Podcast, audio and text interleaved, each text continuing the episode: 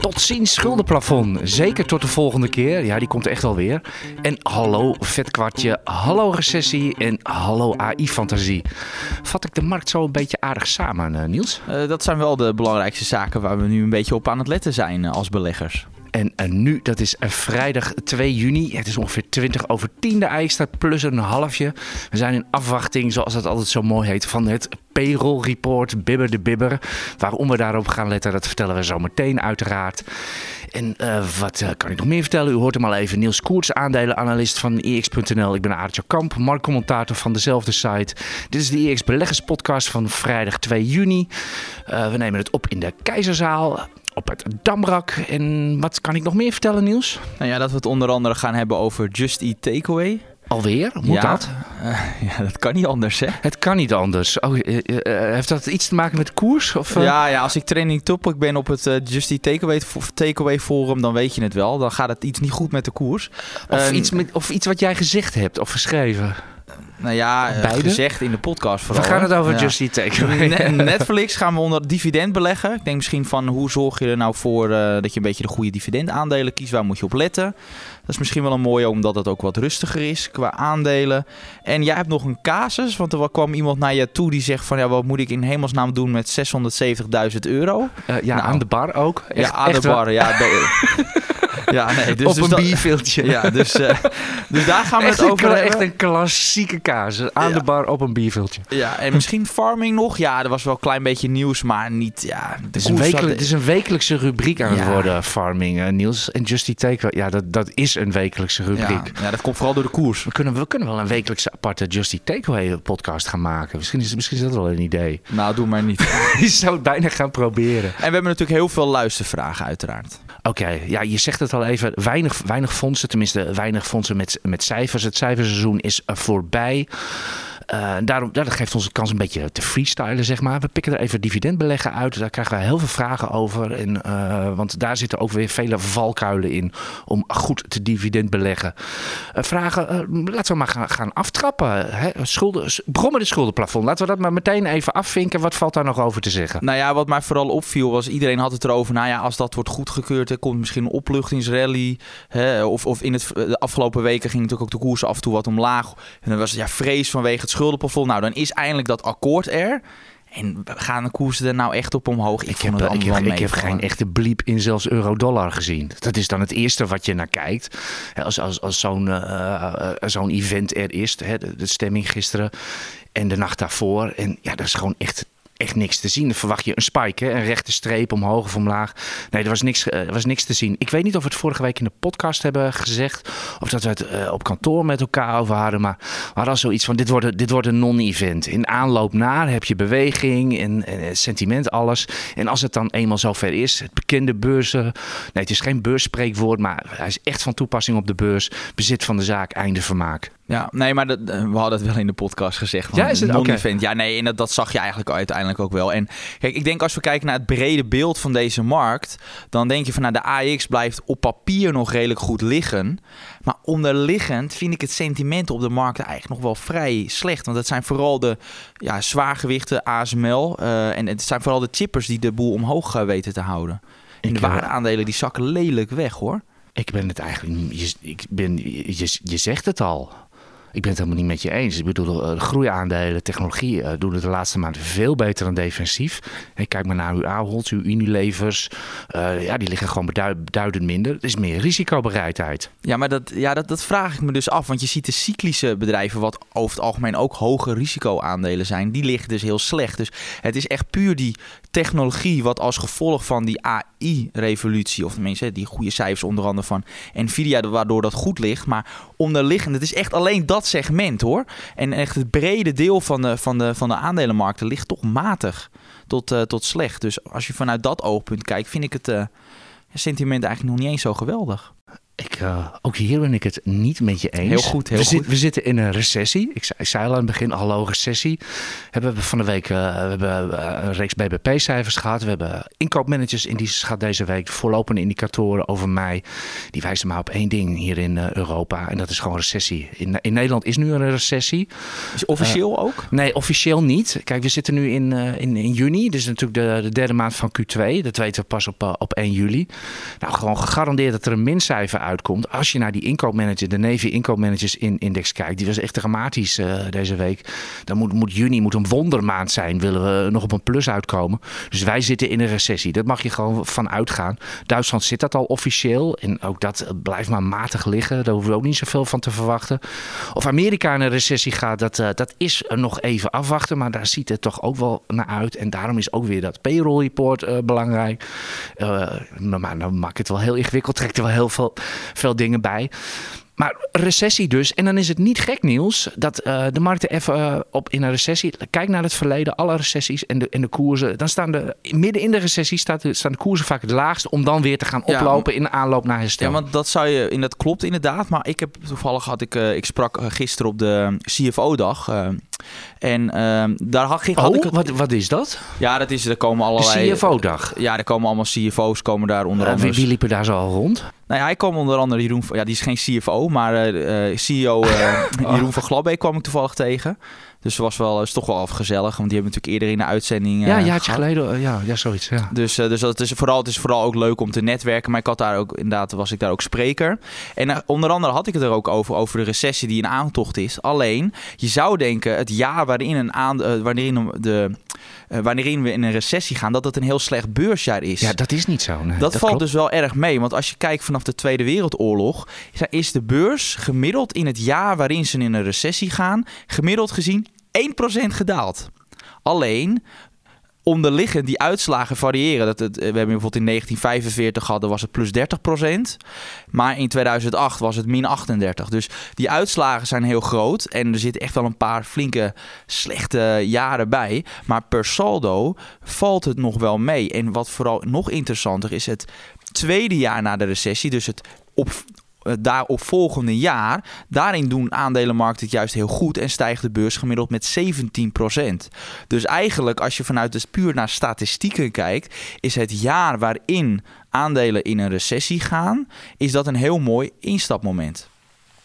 Dus, uh, dus dat was onderdeel van mijn presentatie. Ik, ik, uh, ik ben onder de indruk. Ja. Inderdaad, je hebt, uh, je hebt echt research zitten doen. Dit, dit soort harde cijfers. Luistert u anders dit gedeelte nog even af? Schrijft u mee? Dat u en en dit hoor je dus nergens. Want als, als, als in alle media, als het gaat over recessie, dan hoor je er alleen maar... Ja, moet je nu je aandelen verkopen? Het wordt niks meer op de beurs. Terwijl het precies het tegenovergestelde... Ja, maar dan moeten mensen is. dingen gaan uitzoeken. Dan zijn ze er lui voor. Nee, ja, het is makkelijker om even wat op te tikken. Quoteje erbij. Ja, maar dat, en, dat, dat, dat steekt mij. Weet je, ik, ik heb er gewoon... Ja, ja, ik, omdat, ja, denk ik van, doe gewoon onderzoek. Uit eigenlijk is een recessie vaak gewoon een best goed instap. Ja, maar dat is de reden waarom wij financiële dudes zijn en andere mensen niet. Ik bedoel, wij willen dat weten. Wij zijn gefascineerd en wij, onze centen zitten er ook in, Niels. Dat is denk ik het grote verschil. Ja, nee, dat is ook zo. En dan is misschien dan loopt het ook wat meer om echt onderzoek te doen.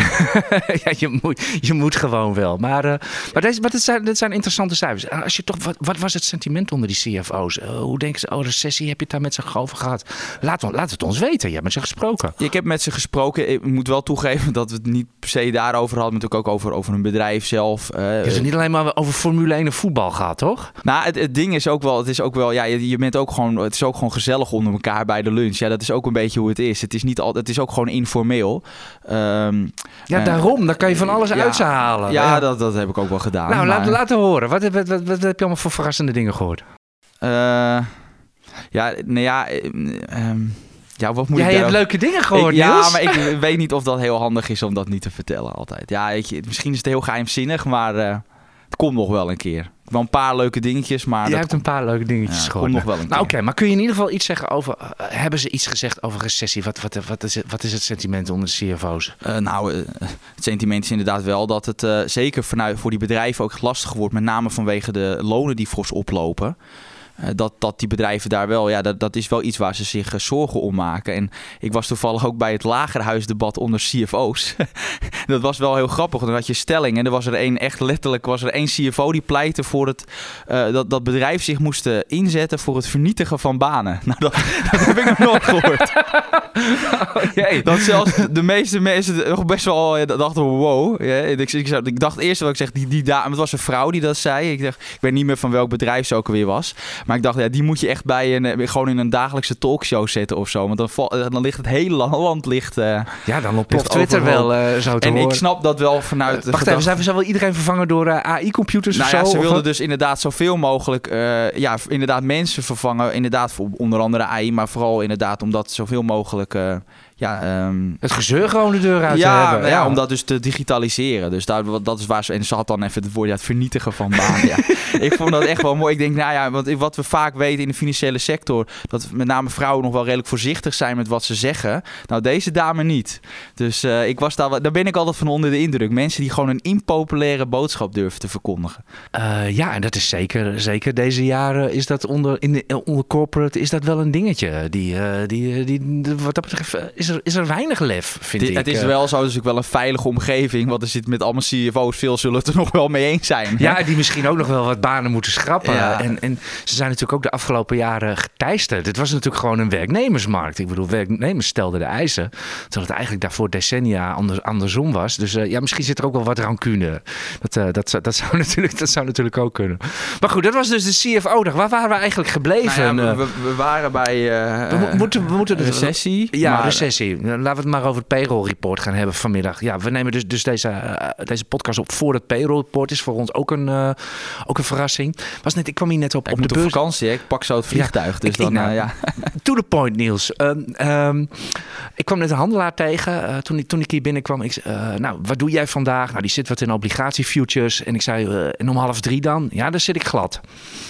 En uh, dat vind ik eigenlijk wel, een, eigenlijk wel even leuker dat hij dat zei. Waarom zit hij, waarom zit hij glad? Hij is een daghandelaar. Vertel jij het Oh, ik dacht ik wilde jou die vraag stellen. Okay, nee, nee, ik weet het zelf ook. Nee, kijk, nee, maar vertel jij Omdat uh, met zo'n banenrapport is het zo dat, uh, dat je als handelaar weet je niet wat het daadwerkelijke cijfer gaat zijn. We weten, ik denk dat het vooral om de loongroei gaat zijn. Niet zozeer de, de aantal banen dat erbij komt. Omdat we weten dat die arbeidsmarkt al krap is. Maar dat het vooral gaat om de loongroei. Want we zagen bij het ADP-banenrapport van woensdag dat dat wel tot. Ja. Daar, daar zag je wel dat. Banenrapport de particuliere sector. Ja, dus ja, vandaag hebben we het nationale banenrapport. Dat ja. klopt. En dan zag je wel al dat dus de, de, de lonen, dat de loongroei afneemt. Dus dat is. Gunstig. Gunstig, zeker vanuit als je kijkt naar de inflatie. Dus, dus ik denk dat de markt daar vooral op gaat letten. En als die loongroei lager uitvalt dan verwacht, dan denk ik wel dat we om, omhoog zouden, zouden kunnen. Ja, want wat wordt dan het verhaal? Uh, als die loongroei inderdaad meevalt, dus die, arbeidsmarkt gewoon afkoelt, want dan komt het op neer, minder inflatiedruk. En dan gaat de Fed op, uh, is het nou 13 of 14 juni, uh, de rente dus niet verhogen. En dat was, ja, behalve dat schuldenplafond, was dat de, ja, het grote dingetje deze week op de obli obligatiemarkten, de rentemarkten. Vorige week was het nog ingeprijsd dat de Federal Reserve dus gaat verhogen, met een, toch met een kwartje gaan verhogen. Ondanks dat voorzitter Powell had gezegd van we gaan pauzeren. En nu is dat helemaal omgeslagen. Nu gaat de markt er toch wel voor ongeveer uh, 70, 80 procent van uit dat het er geen kwartje bij komt. Dus we hebben nog twee weken. Kan van alles gebeuren. Dat kan nog veranderen. Maar ja, dat dus... verandert echt per dag soms hoor. Ja. Dat gaat, gaat bruut. Ja. Maar om terug te komen op die handelaar, die kan dat dus niet voorspellen wat er gaat. Die kan dat cijfer niet voorspellen. En als je dat niet kan voorspellen, nemen ze ook geen positie in. Dat in, vaak in tegenstelling tot particuliere beleggers die juist gaan gokken op het cijfer. Maar Precies. handelaren kijken daar heel anders naar. Ja, dat is het verschil tussen, tussen handelen en, en, en gokken. Bij handelen, bij handelen ga je uit van, uh, van kansberekening. Zo, zodra, die, zodra het rapport er is, gaan ze wel handelen. En uh, dan, dan, dan heb je het cijfer en dan kan je op basis van je methodiek, uh, wat je ook maar doet als daghandelaar, kan je dan naar je gang gaan. Ja, dan kunnen ze inderdaad op basis van hun algoritmes die ze zelf vaak gemaakt hebben, kunnen ze dan hun inschattingen maken. Ja, en dan de, de particulieren die verkeerd hebben gegokt, die zijn dan weer iedereen de schuld aan het geven. Dat, tenminste, zo is het even grosso modo. Zo, zo werkt het ongeveer in, in de markt. En dan kunt u zichzelf ook wel in een doelgroep gaan voegen. Nou ja, ik denk dat we een beetje het brede markt. Uh, nou, moeten we, moeten we het nog over de hele AI-frenzy hebben. Uh, deze, die we ja, deze weken eigenlijk. Ja, sinds, vooral sinds natuurlijk de cijfers van Nvidia. Natuurlijk in de greep van, uh, van, van AI. Wat moeten we daarmee? ik krijg de vraag al over wat moet ik kopen, wat moet ik vooral niet kopen. Ja, kijk, het is nu nog heel lastig omdat je nu nog niet kan inschatten. één, hoe groot wordt die markt? Welk bedrijf gaat er echt veel geld aan verdienen? Nou, Nvidia ligt natuurlijk wel op pole position. Dus ik vind wel dat, ondanks dat dit wel, het kan een bubbel worden. Maar ik vind wel dat je toch, omdat dit iets is wat zo groot is, dat je wel enigszins positie moet hebben. En als je dan breed exposure zou willen, dan zou je bijvoorbeeld kunnen denken aan uh, ja, de SOX, dus de brede chip-index. ja, want ja, doorberekend, want als het goed gaat met Nvidia, gaat het per definitie ook goed met, ja. uh, met ASML en TSMC. Want die chips van Nvidia, maar dat geldt ook voor de hoogste segmentje chips van bijvoorbeeld Apple, of, of noem ze allemaal maar op. Die kunnen alleen door de machines van, met ASML en de technologie van, van TSMC gemaakt worden. Ja, en ik speel daar dus inderdaad op mee, want ik heb dus aandelen ASML, BC en TSMC. En dat daarin uh, ja, doe ik in feite mee. Ondanks dat ik natuurlijk, ondanks dat het ja, vrij lastig is om daar toch nog voorspellingen over te doen. Maar wat je wel weet, is dat die bedrijven daar vermoedelijk van gaan profiteren. En ik, wat ik zelf, maar dat is niet fundamenteel onderbouwd, maar puur uit sentiment. Ik heb nog niet het gevoel dat we de piek hebben gezien. Uh, dat we echt op een absolute uh, hoogtepunt zitten qua hype of qua euforie. Nee, het is nog dat niet is echt, nog echt het is, niet hoor. Nee, het is nog niet echt een publiekshype. En nee. hey, als dingen op het journaal gaan komen, vol pagina kranten, bij het bushalte het gesprek gaat worden, dan, dan, dan dat zijn ook de trekjes die we bij crypto hebben gezien met de meme-aandelen een paar jaar geleden. Dat, dat, dat, kunt u zelf wel ongeveer uittekenen. Wat dat betreft, ik ben, ik ben, het, ben het helemaal met je eens. Het is heel moeilijk om nu al fondsen te gaan pikken die, die het uh, gaan maken. Van de week was, was Katie Wood was uitgebreid op Bloomberg. Katie Wood van ARK Innovation ETF. Die kent u natuurlijk, de, de bekende belegster in niet winstgevende tech. Die in 2020 zo hard omhoog en sindsdien zo hard omlaag gaat. Zij noemden een aantal uh, specifieke stockpicks. Ja, dat zijn kleine fondsen, die staan min 90 of zoiets onder hun, uh, onder hun koers. Dus die verdienen geen geld. En dat, dat is echt gok hoor, om die te gaan kopen. En, uh, en dan maar hopen dat, dat ze de AI-revolutie gaan, gaan winnen. kijkt u even mijn kopij of op mijn, in mijn timeline van Twitter, dan vindt u ze. waren onder meer Twilio, Teladoc. Ehm, er, waren, er waren nog twee, Exact Sciences en... Twilio, dat is zo hard afgestort. Dat weet ik, maar dat is een nou, dat branchegenoot van cm.com. Dus daar heb ik wel eens mee vergeleken. En nee, maar dat was, dat was ook een verhaal. Want, want ja. Zij, zij, was deze week het lachertje op de markt, want ze zat niet in Nvidia. Nou, ze heeft alle, alle, alle techbedrijven behalve Nvidia. dat is wel pijnlijk hoor. Ja, ja, come, come on. We, dat soort dingen hebben we allemaal. Ja. Ik vind het flauw om daar iedere, iemand om te gaan uitlachen. Dat, is, dat soort dingen hebben we allemaal op de beurs. Dat je, om, ja, je mist gewoon dingen en, uh, en je hebt gewoon uh, katten in de zakken. Dat, dat hoort er gewoon bij. Zij heeft deze gewoon gemist. Maar in plaats van dat ze dat nou gewoon zegt, heeft ze bij Bloomberg een heel mooi verhaal. Ja, ik kijk al voorbij Nvidia, zegt ze. Uh, ja, wat moet ze en anders? Noem, ja, dan noemt ze dus die Twilio's en zo. Nou, goed. Als u daarin gelooft, dan koopt u niet de sok, zoals bijvoorbeeld Niels uh, Maar koopt u inderdaad de ARK Innovation ETF van uh, Zou ik niet Cathy doen. Zou ik Wood. niet doen. Die is overigens veel duurder dan een SOX trekker. Want uh, mevrouw uh, Wood rekent 0,75.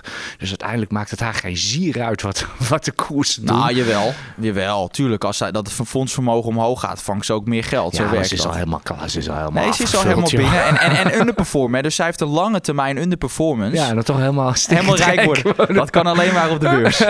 ja, maar dat doet Katie Wood dan wel weer heel goed. Uh, ja, maar dat zie je met een mooi verhaal. En één keer, en een, een jaar lang, dat de koers gewoon jouw kant uitkomen. En uh, ja, nee. dan, krijg je dit, dan krijg je dit soort dingen. Okay, dus we keuvelen vrolijk door. Ja, uh, waar zijn we gebleven nou, eigenlijk? Op zich, ik denk dat we wel brede markt wel aardig uh, gepakt Zou hebben. ik zeggen, ja. Um, zullen we gewoon just die takeaway, dan hebben we dat gehad? Ja, ja, het was weer niet best. Hè? Ja, laten we maar beginnen met dat wij allebei long zitten. Ja. Um, ik, ik, sta ongeveer op min 35. Jij? Ik denk, min, nou, dan zal ik min 34% staan. Want we hebben zo'n beetje op hetzelfde ja, moment ja, iets goedkoper. Iets goedkoper. Toch okay, nog. 34 om 35. Ja, maar ja, je ziet dan af te krijgen van... Ik zat even denken... Serieus, dus ik krijg er ook vragen over. Heel Mensen veel zitten daarmee in hun Over short posities ja. natuurlijk. Ik eerst kijken gewoon puur naar een aantal ja, feiten. Eén, de beurswaarde is nu nog maar 3 miljard. En dat is minder dan de helft dan dat uh, Just Eat voor Grubhub neertelde. Dat was 7 miljard, dus uh, auw. uh, en uh, vergeten we ook, mogen ook niet vergeten dat bijvoorbeeld in augustus vorig jaar Just Takeaway nog anderhalf miljoen in contanten kreeg. voor dat Braziliaanse iFood. Dat was alleen een belang van 33%. Daar kregen ze al anderhalf miljard voor. Nou, daardoor is die balans natuurlijk veel sterker geworden. En is het voor Just Takeaway niet noodzakelijk om nu Grubhub ja, uit noodzaak te verkopen. Ze hebben gewoon geld.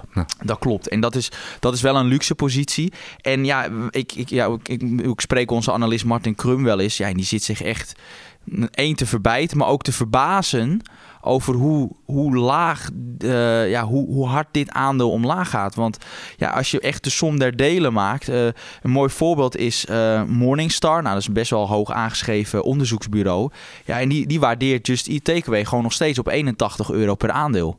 Dat is wel iets meer dan de 14 dan dat er nu op het bord staat. Ook wij zitten, zitten aanzienlijk hoger. We verwachten volgende week. Ja, waar, komt Martin op uit? Je noemde hem al even, onze analist.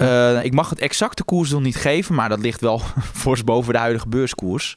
Hij komt daar volgende week met een uitgebreide update. Maar echt, als je puur kijkt naar de som der delen. Ja, wij denken bijvoorbeeld voor Grubhub alleen al. Denken wij dat we daar echt wel, dat Just Eat daar uiteindelijk toch wel 2, 2 miljard voor moet kunnen krijgen. Ja, de huidige beurswaarde is dus 3.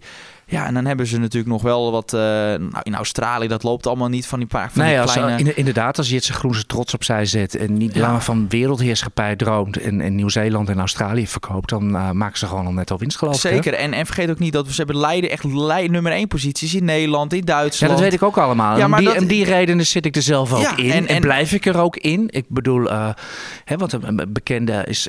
Dat antwoord heb ik ook gegeven aan, aan, aan mensen. Als je, hè, zet het, als je even niet weet wat je met dit aandeel moet en je staat op een geweldig verlies, kijk er gewoon even blanco. Als je ze niet zou hebben, zou je ze op de huidige koers willen kopen. Ik, doe, ik heb dat van de week ook met mezelf gedaan. Bij mij was het aandeel volmondig ja, dus ik houd ze. Als u zelf ook zo in de wedstrijd zit van uh, goh, op 13 euro, waar staan we nu? 14? 14, gaat vandaag plus 3 procent. dat, vind ik nog, dat vind ik nog een slechte stijging nee, hoor. Ik bedoel, als je ziet hoe hard, hoe hard, het gaat, dan mag het echt wel wat meer. Maar goed, slechte stijging. Dat is ook originele buspodcast uh, term trouwens. Een slechte stijging. Ja, ja. Maar is nee, dan zou, dan, dan, dan zou, ik, ik, zou ze gewoon willen hebben. Als dat voor u ook zo geldt, dan moet u ze gewoon houden. En zegt u van nee, ik, ik, ik wil hier niks meer mee te maken hebben, moet u er gewoon uitgaan. Ja, en het is wel zo dat je op dit, dit soort niveaus is er wel echt een duidelijk risico dat, om ja, misschien zullen de korte termijn speculanten er wel blij mee zijn, maar dat, ja, en bijvoorbeeld een partij als Uber denkt, ja, op dit niveau wil ik wel een, wel een bot doen, want ja, de synergievoordelen die zijn er. Deze is nieuw. Ja, een bot? Nou ja, uiteindelijk, uiteindelijk voor dit soort partijen. Uh, de komt, kijk, ik zeg niet dat ze het gaan doen. Maar voor, voor concurrenten wordt het nu wel interessant om, om, om te bieden op, op een partij als, als, als Just Eat Takeaway. Kijk, ik vraag me af of Jitse Groen het voor... Zelfs al komt er een premie van 100%, dan denk ik nog steeds niet dat hij het wil verkopen. Nee, het is zijn, het is zijn dat kindje. Is, dat, dat, is wel zo. Maar je kan wel bijvoorbeeld ook private equity misschien niet aan boord kan komen. Dus ik, ja, er zitten wel... Er, er liggen echt wel kanten. En ja, ik vind wel Just Eat op dit soort niveaus is het wel echt een overnamekandidaat. Dus uh, dat desnoods uh, dat een Jitse Groen zijn aandelen houdt en dat dan de andere aandeelhouders worden uitgekocht. De, die mogelijkheden die zijn er wel.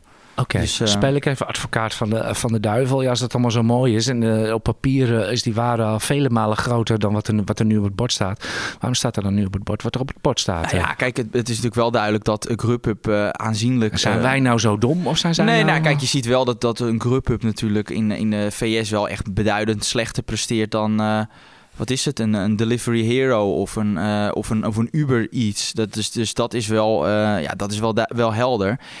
En ja, en, en, en je hebt natuurlijk de, het sowieso... Staat niet voor niets in de etalage In het. VK heb je natuurlijk de opkomst ook van Amazon, die, uh, die natuurlijk een samenwerking... Ik dacht dat het met Delivery Hero was uit mijn hoofd, weet ik niet zeker.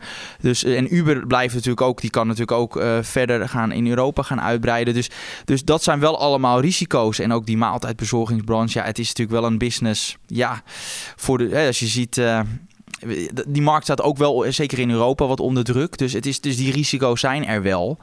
Alleen, uh, ja, als ik echt puur kijk naar de som der delen, ja, ik, naar mijn mening ook ligt dat veel hoger dan wat er nu op het bord staat. En ja, bij dat soort onderwaardering moet je er niet gek van knop kijken als, uh, als, er, als er een partij is die denkt, ik ga toch een bod doen. We gaan, we gaan, het, we gaan het uh, zien, Niels. En uh, misschien, misschien moet Justy Takeaway wel een deeltje sluiten met, met Open AI. Iets met ChatGTP. Er staat de koers in één tik op 100. ja, nou ja, we zullen het meemaken. ik denk dat het een goed moment is om naar de vragen ja, te gaan. Ja, want hier moeten we wel even van bijkomen.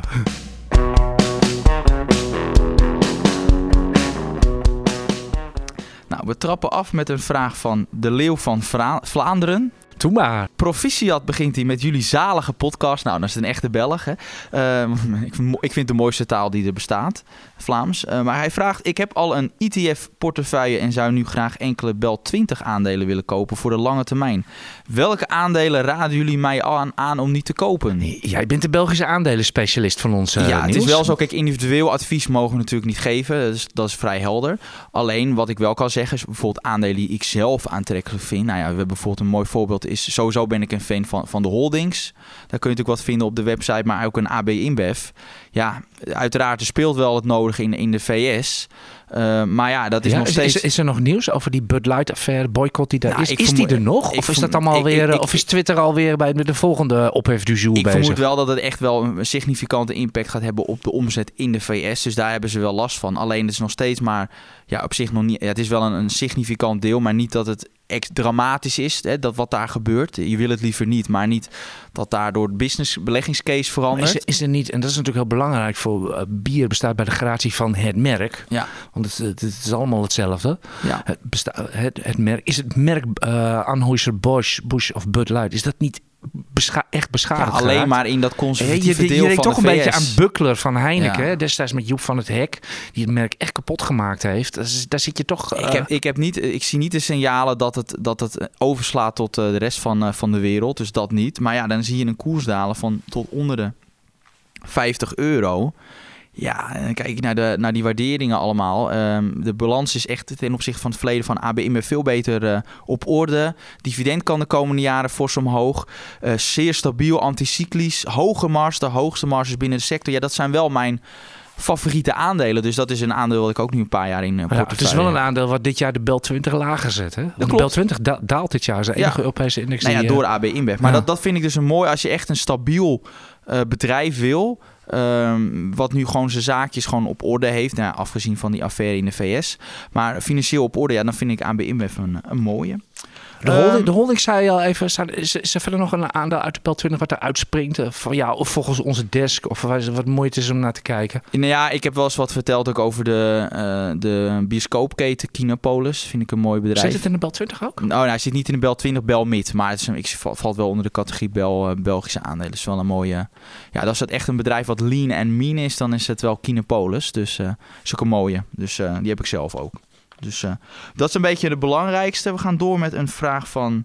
En dan zul je altijd zien dat ik de naam ben vergeten op te schrijven. Maar die persoon heeft gevraagd. Ja, ik kijk vaker op shortcell.nl en zie dat Just ITKW, Alpha, KLM en Base in de top 6 van meest geshorte aandelen zitten. Um, ja, hij zegt, ja, wat, moet ik, kan, wat kan ik daar precies mee? Heeft dat een, kan je daarmee een veronderstelling doen dat het aan de omlaag gaat of omhoog? Nee, nee, uiteindelijk, niks. Want je weet nooit bij, uh, dit, zijn de shorts die dan gemeld worden bij de AFM. Je weet nooit wat dat soort partijen, dat zijn vaak grote hedge funds met veel geld spelen. Je weet nooit wat voor posities daar tegenover staan. En hè, dat, dat kunnen bijvoorbeeld uh, obligaties zijn van, van het fonds zelf, maar het kunnen ook peers zijn of, of juist... De, er worden geweldige uh, ja, kaartenhuizen gebouwd eigenlijk, waar, waarop dat soort dingen zijn samengesteld. Je weet nooit of het een, naked short is, zeg maar, die er staat. Dus dat het echt een keiharde netto short is, die, die een partij is, dat, dat weet je nooit. Wat je wel weet, is als er inderdaad, je noemde die naam al even, just, just die takeaway alpha, dat als er veel short uitstaat, dan weet je in ieder geval dat er nogal zeer verschillend gedacht wordt over zo'n uh, over zo'n fonds. Namelijk dat er veel analisten zijn die behoorlijke gaten schieten in in de, in de cijfers, in de boekhouding, in de business, whatever. En dat er dus risico's zijn. En dat is, hè, ik, ik, kijk toevallig, zag ik vanochtend ook veel, maar ook Just die Takeaway op. Daar zijn de shorts inderdaad weer opgelopen, ondanks die, die enorme koersdaling. Ja, en dan weet je van, ja, er zijn nog heel veel partijen die veel issues zien bij dit, uh, bij dit aandeel. Maar het kan er ook weer mee te maken hebben dat, het, dat ze, ach ja, ze zaten er toch in en het handelt lekker. Het is, uh, het is zeer liquide, dus ze gebruiken het ook weer voor andere dingen. Dus het, ja, of het, optie, het, opties, opties die worden afgedekt, hè, dat is ook altijd Er zijn kan. echt letterlijk en figuurlijk duizend en één mogelijkheden en spelletjes die er, die er gespeeld kunnen worden. En, en dat, ja, daar hebben we geen zicht op. Daar heb je geen, ja, heb je geen zicht op. En het enige wat je weet is, als er veel short aan, uitstaat, dan weet je in ieder geval van dat niet iedereen even enthousiast is over het bedrijf. En gewoon echt de koers echt veel te hoog vindt. Ja. helder. We gaan door met een vraag van Stijn Kluit. En die vraagt, ja, zouden jullie een uh, rapport kunnen maken over Novavax? Nou, meestal behandelen we dit soort vragen niet. Novavax, want het zijn kleine aandelen. Uh, die, nou, um, ja, meestal behandelen we niet en dan toch doen. Ja. Dat doe ik nu toch mee. We krijgen daar echt tig vragen over. Altijd van die kleine aandelen ja. waar ik nog nooit van gehoord heb. nee, wat we ervan vinden. Van, u mag het proberen, maar u heeft een, echt een hele kleine kans dat hij in de uitzending komt. Maar voor Novavax dacht ik, die pak ik er wel bij. Want weet je waarom? Er was namelijk een moment dat dat echt het onder het IEX-publiek het nog populairder was dat aandeel dan farming. En dat was uh, in Wacht de corona... Even, er, moet er, even, er moet even een stilte vallen hoor. Want ja, dat, uh, okay, dat ja. kon dus. En dat ja? was tijdens de coronapandemie. En dan weet je wel wat er waarschijnlijk... Het is een biotechbedrijf wat onder andere vaccins maakt. En ze deden ze ook voor corona. Nou, wat denk je wat er sinds... Nou ja, dit is, dit is ongeveer statistiek waarbij je 99,9% kans hebt. Dat is boom en bust. Ja. En het is bust geworden. Ja, echt 500% omhoog, 90 eh, omlaag, zoiets? Of, ja, of 1000 het is min 97% gegaan vanaf de top. En, dat duidt dat de markt het failliet acht. Nou, dat, failliet dat is, een beetje de, de, de, de vuistregel. Als een aandeel meer 95% gaat, dan, uh, dan vreest de markt voor bestaan. Ja, nou ja, ik heb dus dacht ik van, ik weet, je, ik weet helemaal niks van het bedrijf, maar ik pak even Reuters erbij. En dan wat mij opviel, was dat uh, ze hebben dan nog een balans, een cash van 600 miljoen. Maar als je dan kijkt naar de verwachtingen, dan is de vrije kaststroom de komende jaren 400 miljoen negatief. Nou, dan hoef je niet heel erg hoef je niet eens je rekenmachine te gebruiken om te weten dat het geld dan een keer op is. En dan en valt het E-woord. Het emissiewoord. En dan de market cap is nog maar iets meer dan 600 miljoen. Nou, dan weet je al dat dat tot een enorme emissie dan moet gaan leiden. Dat wordt Nova, Nova, Novavax. dus dat, ja, dan weet je mijn antwoord al. Pas met dit soort aandelen op ook. Gewoon niet doen eigenlijk. En uh, ja, ik weet wel, het is min 97% gegaan. Dan denk je, ja, het, dan kan het misschien weer stijgen. Vaak gebeurt dat Ja, niet. de mooiste bloempjes groeien langs de rand van het ravijn. Hè? Dat, ja, dat is zo. Als zo'n aan, je, hebt het, je hebt het ook gezien met, met grote aandelen. Bijvoorbeeld als Meta of wat dan ook. Dat daalt dan zo ver. En als het dan weer herstelt, Netflix, gaan we het zo nog over hebben. Ja, dan gaat het zo kiezelhard. En die verleiding is zo, zo groot. Ja, maar het verschil is wel met uh, Meta, die maakt ook echt mooie kaststromen. En dat is bij Novavax ja. helaas niet het geval. Oké. Okay, nee. um, we hebben nog een vraag ook van, uh, ja, tot slot, die is wel leuk. uh, beste Arend, Jan en Niels, wat voor werk hadden jullie eigenlijk gedaan als de beurs niet had bestaan? Kato de Jongere. Ik heb alles gedaan al in mijn leven. Echt, ik ben bouwvakker geweest, kok. Je hebt op Binnenhof gestaan? Ja, heb ik ook nog gedaan in een vorige leven. Uh, hij is iets voor in de kroeg, om te ja? vertellen. Ja, ja ik, ik heb echt 13 ambachten, uh, 14 ongelukken. Want het eerste wat ik dacht, je zou misschien werkloos zijn. Dat was het eerste wat ik ja, zou nou, denken. Maar we zeggen het heel vaak tegen jou. Als er, als er, als, als er geen aandelenbeurs was, dan had jouw bestaan geen zin. Nou, dat laten we niet overdrijven. maar ik, ik denk uiteindelijk al mijn... Ik heb bedrijfseconomie onder andere gedaan. Ik bedoel, zelfs als jij op vakantie bent. Ik bedoel, dan krijg, ja. ik, krijg ik om vier uur s'nachts een WhatsAppje van je dat er een fout in mijn morning call staat. Ja, dat kan. Dat kan wel eens gebeuren. Nee, kijk, ik, dan was mijn leven wel wat saaier geweest. Maar uh, ik, ik denk dat ik dan net als mijn vrienden business controller was uh, geweest. Bij ergens een multinational of zo. Zoiets. Ik, ik zou het echt niet weten. Nee. Nee, of de politiek in, maar dat, ik ben geen vergadertijger. Nee, nee, nee, dat, dat is niet geschikt. geschikt. Ik ben nee. absoluut niet geschikt om publieke, in het publieke domein te werken. Nee? Dat, uh, nee, nee. maar goed, dat is dan een beetje een uitstapje. Ik, uh, ik krijg ook nog een hele leuk, want jij bent klaar met je vragen, denk nou, ik. Hè? ik had nog wel meer opgeschreven, ja, nou, maar, maar deze, vind ik, wel, deze vind ik wel leuk, want uh, er kwam voorbij, er was, was iemand die maakte mij op Twitter attent van uh, Bill Ekman van Pershing Square, het hedge fund wat, wat hier op Damrak genoteerd staan. Bill Ekman schreef een vurig pleidooi op Twitter dat Jamie Dimon, de, de CEO van JP Morgan Chase, die op bezoek was in China en nu op bezoek gaat in Taiwan en niemand zegt er wat van. Dus uh, zo, uh, ja, zo groot is die man zijn positie. Die, die kan wel een potje breken. Die zei die moet absoluut president worden en noemde gewoon uh, op. Gaat u in zijn timeline kijken, daar, daar staat het. Ja, de, de, alles aan die man is geweldig. Nou, dat mag, u, dat mag u zelf gaan beoordelen. Maar de gein was, binnen de, meteen al de derde reactie op dit stuk was, was iemand die liet zien dat hij dat hele artikel zo uit ChatGPT had gehaald. Oké. Okay. Dus, zo basis van AI zegt dus letterlijk Jamie Dimon moet president worden. Uh, ja, via, uh, ja dus, dus Bill Ekman had het gewoon in dat ding gegooid. Die tekst kwam eruit. En, uh, maar dat is dus precies wat, wat ons rijk gaat maken met AI. Je, ik bedoel, allerlei, waar je nu klauwen met tijd aan, aan, kwijt bent, wij ook met stukjes maken. Dat trek je straks zo uit die machine. En dan kun je ondertussen kun je, kun je andere dingen gaan doen waar je, waar je echt nog waarde kan leveren. voor ons bijvoorbeeld misschien een leuke podcast maken. Bill Ekman Nou, kan dan gewoon weer verkeerde aandelen gaan kopen ik, als je naar zijn koers kijkt. nee, ik heb wel zoals het bijvoorbeeld echt gaat om, om toch, kijk, als het gaat om maken van analyse, zit wel ook bepaalde vorm van duiding die je moet geven. Zit ook wel een soort van, je moet daar wel je eigen AI inschatting. is zelflerend, Niels. Ja, nou, ik heb daar wel mijn twijfels over. Het is wel zo, we hebben het over Netflix. Ik dacht, voor de grap, kijk, ik weet bijvoorbeeld eh, wel, uiteraard weet je uit je hoofd de dit, concurrenten. Dit vind ik nou mooi soepele overgang. Ja. We gaan gewoon door met Netflix. Ja, nou bijvoorbeeld met Netflix bijvoorbeeld. Ik, uiteraard weet ik wel de, de concurrenten van, uh, van Netflix. Maar ik denk, ga gewoon eens toch eens in ChatGPT schrijven... joh, de belangrijkste concurrenten van uh, Netflix. En er kwam inderdaad een heel Zet mooi je dat er ook zo neer? Hey joh... Uh, nee, nee, ik had gewoon van, ja, wat zijn de belangrijkste concurrenten? Okay. En dan, dan rolden er inderdaad vijf namen uit... waarvan eentje, die kende ik niet eens. En dat heb ik gewoon gebruikt voor, voor mijn stuk. Daar ben ik gewoon heel eerlijk in. Dat ging om een... Nou ja, ik weet niet meer. Ik ben was in ieder geval Hoe heet het nou? partij. Ja, ja Hulu of Lulu of zo, weet ik veel. Zoiets, nooit van gehoord. Maar kijk... Um, ik, kwam, dus ik kwam vandaag in Hongkong kwam ik een aandeel tegen zitten in de Hang Seng. Dat heet Billy Billy. Uh. En dat kreeg ik ook behoorlijk voor de billen. dat is de enige daler. Maar dat was dus echt zo dat bij mijn, in mijn stuk Netflix... Ik denk dat ik dan inderdaad toch drie zinnen toch van ChatGPT... Ja, ik heb ze gewoon wel een beetje in mijn eigen stijl. Maar toch drie zinnen dat, waar ik wel wat aan gehad heb. Met, drie uh, zinnen? Drie okay. zinnen, toch nog. Ja, en, het dus, dus, het was wel handig. Dus, uh, dus dat, dat had ik wel gebruikt. Maar, um, maar toch omdat we het over Netflix uh, ja, nu serieus. Ja. hebben, is dat, want dat was vorig jaar een van de meest afgestrafte aandelen die er was. Op een gegeven moment meer dan 75% gedaald. En je ziet sindsdien is die koers al uh, ruimschoots uh, verdubbeld. Dus dacht ik van nou, het is misschien wel interessant om daarnaar eens naar te kijken. En uh, nou, sowieso was ik al geïnteresseerd omdat ik hun verdienmodel weer interessant vind. Het, het abonnementsmodel wat zij hebben. Het voordeel... wat ze aanscherpen. Ja, kijk, en sowieso. En kijk, het voordeel van een abonnementsmodel is dat iedere lid dat erbij komt, ja, daar staan geen extra kosten tegenover en wel omzet.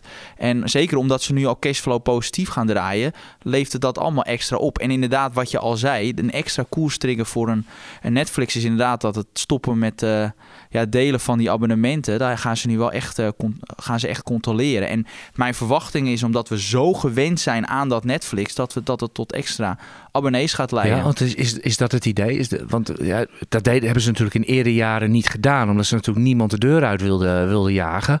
Er moest gewoon ieder kwartaal moesten er gewoon zoveel mogelijk nieuwe abonnees bij. En nu is het gewoon, uh, zijn de tijden een beetje anders. Dus meer concurrentie en toch doen ze het. Ja, nee, en ik denk ook dat dat uh, een slimme zet is. Het is alleen wel zo. En ja, gaan ze zichzelf niet uit de markt prijzen? Nee, dat denk ik absoluut niet. Um, en kijk, wat, het is wel zo met Netflix dat een mooi bedrijf hoeft niet altijd ook een goede belegging zijn. Als je het vanaf nu, eh, nu kijkt naar de beleggingscase. Want als je kijkt naar de waardering, betaalt meer dan 36 keer de verwachte winst. Bij het huidige fors, hoor. En dat is echt heel erg fors. En um, ja, dus, dus dat is wel heel prijzig. Ik heb natuurlijk mijn eigen fair value ligt toch wel iets onder de huidige beurskoers. En ja, of je dan moet hebben is natuurlijk een andere is een vraag, maar is een tweede. Maar ja, de, de groeivooruitzichten zijn wel uh, goed voor Netflix. Maar ook dat heb ik dan wel meegenomen. Dus uh, ja, ik ben daar wel voorzichtig over. Toch, toch wel. Ja, het is niet dat je blind in iedere, ieder afgestrafte fonds moet, moet stappen. Ja, ook Justy Taker bijna wekelijks. Ja, wou toch ook nog wat over farming uh, zeggen. Kunnen we het niet gewoon bewaren tot onze beleggersdag? Over vier, oh, ja. die, is, die, is, vandaag over vier weken. Simon de Vries, de CEO van, uh, van Farming, schuift dan even aan bij onze podcast. Gaan we hem live met publiek uh, gaan we hem een beetje interviewen, zeg maar. Ja, wordt Ik, leuk. Of, interview, wij interviewen niet, we houden een gesprek. En we ja. hopen dat Simon volop meegaat. Dat gaat wel dus, goed komen. Is een goede prater. Oké. Okay, die hebben wij graag. Oké, okay, nou leuk. We gaan zo verder met de IEX Beleggers podcast. Maar eerst graag uw aandacht voor de voordelen van een IEX-abonnement. Mijn naam is Niels Koerts, aandelenanalist bij IEX. Als IEX-abonnee ontvangt u dagelijks kooptips, de beste analyses van onze experts, toegang tot het modelportefeuilles en een wekelijks expert magazine. Het beste beleggersblad van Nederland. Ga naar iex.nl slash actie voor slechts 24,95 euro bent u drie maanden abonnee. Dus dividend beleggen denk ik misschien toch wel. We hebben het toch eventjes opgeschreven. Want uh, als het gaat om uh, dividendaandelen zijn sinds dit, jaar wel echt behoorlijk uh, veel populairder geworden. Waar let je op? Want dat was natuurlijk gewoon de vraag. Ja, nee, kijk, enerzijds, kijk, wat is het belang van dividendbeleggen? Nou, dat vormt gewoon een heel groot onderdeel van het rendement. Als je kijkt naar de AX de afgelopen 25 jaar, goed voor 80% van het totale rendement. Komt ook wel omdat de AX gewoon heel zwak gepresteerd heeft. Dat speelt wel mee, want bij de S&P 500 was dat minder het geval. Maar als je echt... Ik, heb, ik heb een mooie vuistregel. Ja, heel goed. Als je 30 jaar belegt, komt uh, drie kwart van je, van je rendement komt uit dividend en een kwart uit koerswinst. Ja, dat is bij de AX dus wel zo. Het, eh, kijk, in Amerika zie je dat bedrijven ook meer kiezen voor aandelen inkoopprogramma's. Dus dat, dat, ja, dat heeft te maken met belastingen. Ja, dus, dus dan, dan gaat dat niet helemaal op. Maar ja, aandelen inkoopprogramma's, dividend zie ik een beetje als hetzelfde. Want dat komt, het is toch gewoon return voor de aandeelhouder. Eens. Maar wat je vaak ja, maar ziet... het geeft in ieder geval aan dat in de long run is gewoon dividend wat het verschil maakt en niet de koersen. Klopt. En dat is natuurlijk ja, het, het, grote nou, nationale misverstand dat er over de, over de beurs gaat. Het is niet een kwestie van hoger, lager. Het is een kwestie van wat wordt er verdiend en wat komt er naar jou toe als aandeelhouder. Daar gaat het om. Ja, en dat is het belangrijkste. En om dan te voorkomen dat je de verkeerde kiest, heb ik bijvoorbeeld uh, heb ik echt uitgebreid artikel op uh, de website geschreven. Uh, maar bijvoorbeeld vijf criteria waar ik naar kijk is bijvoorbeeld het, ja, bedrijfsmodel, het verdienmodel van de onderneming. hoe sterk is het merk, de, de, de branche waar ze in opereren.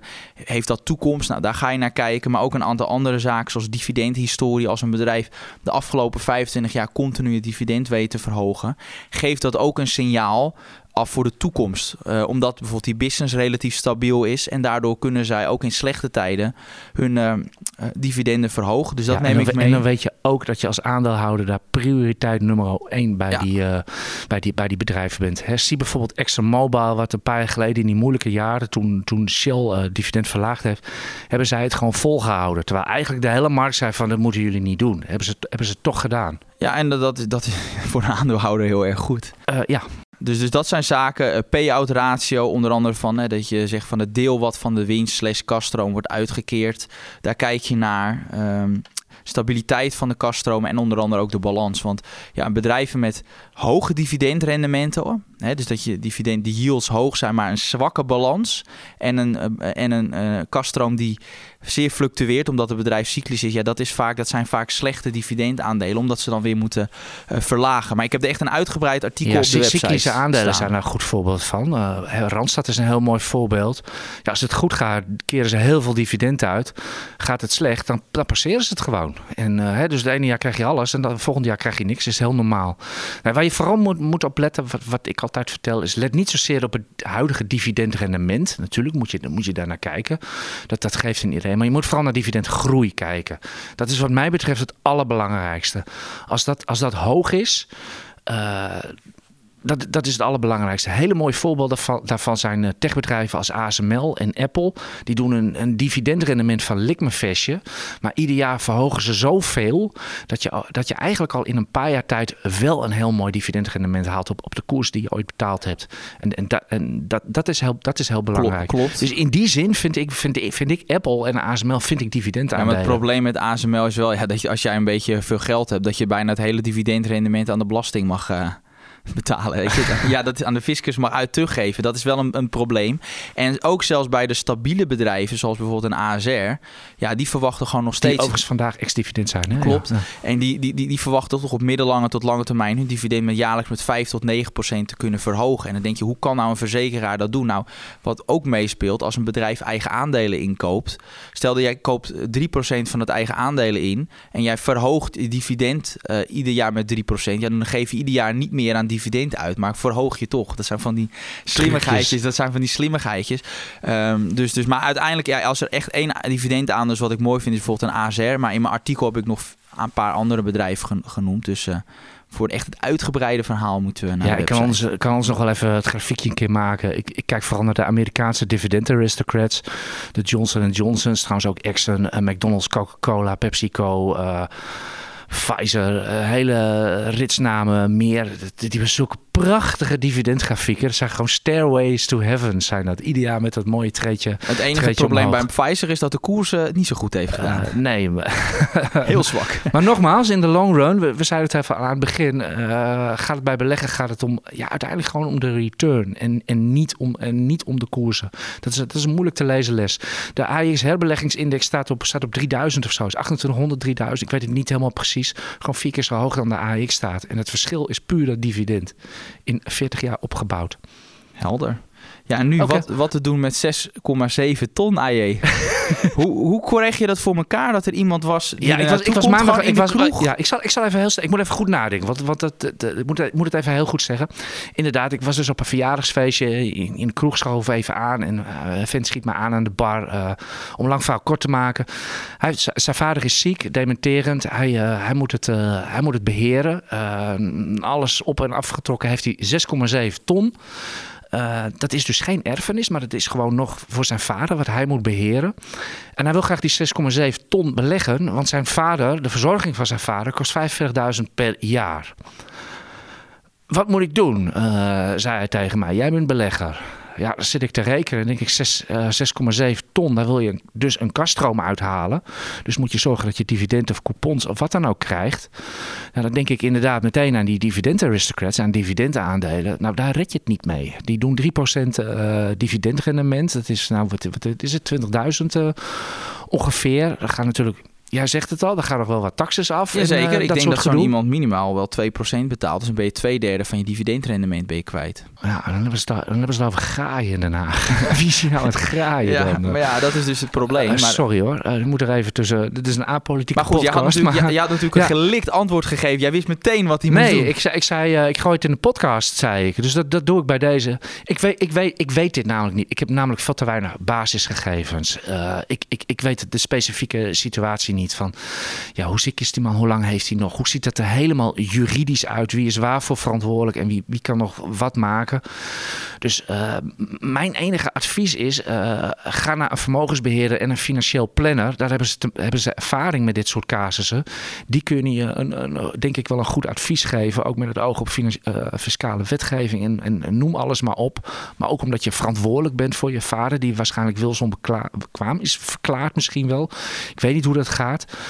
Ga dat vooral doen. En als je dan inderdaad een advies krijgt om in die en die trekkers te gaan zitten of die en die aandelen, kom je bij ons terug. Van dat kunnen wij dan wel weer beoordelen of dat handig is. Maar zo'n iemand bepaalt inderdaad van hoeveel moet je ongeveer beleggen. En dan kijk, kun je bij ons wel komen waarin.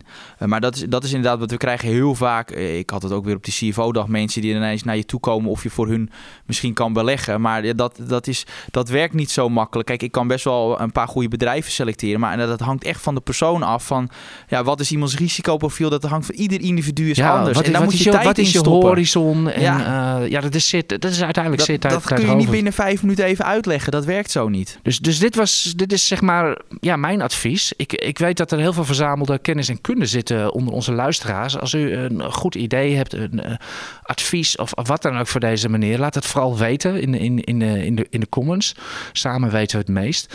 Want je hoeft natuurlijk niet, uh, geen rekenwonder te zijn dat met 45.000 per jaar die 6,7 ton natuurlijk zo weg is. Dat is uh, iets meer dan, uh, als je niet belegt, uh, ben je in principe iets meer dan 10 Nee, jaar ben je er wel doorheen. ja. Zeker na met de belastingen. Ja, en hoe dan ook, met, met, met dit soort uitgaven, je gaat erop inleveren. Tenzij je gewoon eh, idiote risico's gaat nemen en, eh, en de markt toevallig je kant uitkomt. Maar je weet dat de kans dan op een zeepert eh, nog veel veel groter is. Je zal er maar een 2008je meemaken. En dat is dus het probleem. Ja, dat, ja dan, eh, dan ben je in de aap gelogeerd. Dus, dus nogmaals, ja, ga- hopelijk heeft eh, onder onze luisteraars iemand een goed idee. En anders ga echt langs bij een vermogensbeheerder of, eh, of financieel planner. En kom, kom terug met de trekkers die je voorgeschreven krijgt. Heel mooi. Om af te sluiten, ja, we hebben natuurlijk nog één itempje. Wouter Slot, kom maar binnen. Ja, daar is hij. Van Tostrams.nl, dochter van IX, de technische dochter, zullen we maar zeggen, Wouter, Wouter Slot. Ik heb intussen, we hebben intussen de traditie dat ik altijd de grafiek ga raden waarmee hij komt. Dus ik tik hem maar weer binnen. Kan alleen maar Nvidia zijn. Hij zit wel erin, in die ETF. Eh, ja, dat denk ik wel. Dat denk ik wel. Eh, dit is een, eh, het is een, inderdaad een grafiek van een, van een ETF. Maar Eh, Nvidia is geen ETF. En dat is zeker geen ETF. Eh, nee, het is de MSCI World ETF. Eh, ik dacht, ik pak het eens wat breder. Je pakt eh, het wel keer. heel breed. Ja, eh. ja, nou ja, wie, wie de, de wereldindex, wie belegt er niet in via een trekker, zou ik bijna willen, zou ik bijna willen zeggen. Nee, ja, ik denk als je, als je in ETF's belegt, dan is dit er zeker wel eentje die, die erbij hoort. Ja, heb je, heb je naar de echt naar de wereldindex gekeken of heb je naar een trekker gekeken? Bijvoorbeeld de iShares of... Uh... Nou, uiteindelijk laten ze wel een beetje hetzelfde beeld zien uiteraard. Want een, een trekker die volgt natuurlijk de onderliggende index. Ja, maar er is altijd een tracking error. Hè? En dan kunnen ja, trekkerboeren op Twitter elkaar soms echt de tent over uitvechten wie de beste heeft. Maar daarom heb ik ook een hele lange grafiek erbij gepakt. Eentje vanaf 2009. Uh, en, en, juist daarin is het mooi te zien dat er nog een hele mooie stijgende trend is. Uh, en sowieso bij de, bij de index, maar ook bij de ETF. Uh, in de afgelopen jaren hebben we eigenlijk een beetje een zwak jaar gehad. Een mooie correctie binnen die lange termijn trend. En die correctie is, is onlangs afgebroken. En we zien steeds meer eigenlijk uh, herstel. En, uh, en die oude stijgende trend kan weer opgepakt worden. Ja, als je zeg maar alleen een beetje naar de Nederlandse beurs kijkt. Dan denk je de afgelopen weken van wat een rommeltje. Wat, hier gebeurt helemaal niks. Het gaat op en neer. En, Saaiwaarts noemen we dat hè, met een mooi woord. Saaiwaarts, ja inderdaad. maar daarentegen zie je de Amerikaanse beurzen wel weer opleveren de laatste weken. Want uh, nou, de tech-indices uh, die waren al uitgebroken. Uh, en nu zie je ook de S&P 500 een mooie draai omhoog gaan maken. in, in Europa zag je bijvoorbeeld de KAK en de DAX. Die zaten al op een oude toppen van vorig jaar. En de AX is eigenlijk een van de weinigen die, die nu een beetje blijft liggen. Nou, de Belgische beurs, daar hebben we het maar niet over. Dat is nog slechter. Ja, die, die hebben we net genoemd. ja. Uh, dus als je wat breder kijkt en je zoekt nog mooie, mooie investeringskansen. Ik denk dat die MSCI World ETF uh, heel mooi is, zeker voor de lange termijn. Uh, want die stijgende trend die ziet er nog niet naar uit dat die, eh, dat die wordt afgebroken. En ik denk dat we de komende maanden gewoon weer omhoog kunnen blijven kijken. Betekent dit dan uh, dieptepunt recessie en hup, daar gaan we weer? En dan kijk ik even kijk ook naar jou, Niels. Diep, nou ja, ik denk die recessie gaat dus nog komen, maar dat de markten daar dan misschien wel op, ja, die hebben daar al op voor gesorteerd, dat klopt. Dat tech vooruit loopt. Uh, dat is uitzonderlijk, maar ja, dat komt dus weer door AI. Ja, geeft wel een nieuwe impuls aan het, uh, aan het hele verhaal. Dus uh, ja, ja het, is, het is misschien een beetje saai bij We zijn al heel lang positief en we blijven positief. Heel goed. En ik probeer dat gewoon elke week weer duidelijk te maken hier zo. Maar je hebt wel de trend goed te pakken en daar gaat het uiteindelijk om. De trend is your friend. Dat is een oude, oude technische wijsheid. Dames en heren, dit was de EX Beleggers podcast van uh, vrijdag 2 juni. Wouter en Niels bedankt. U bedankt voor het luisteren. Jij bedankt voor het, voor het monteren van deze podcast, Nina Termeer. En tot volgende week. Veel succes op de beurs.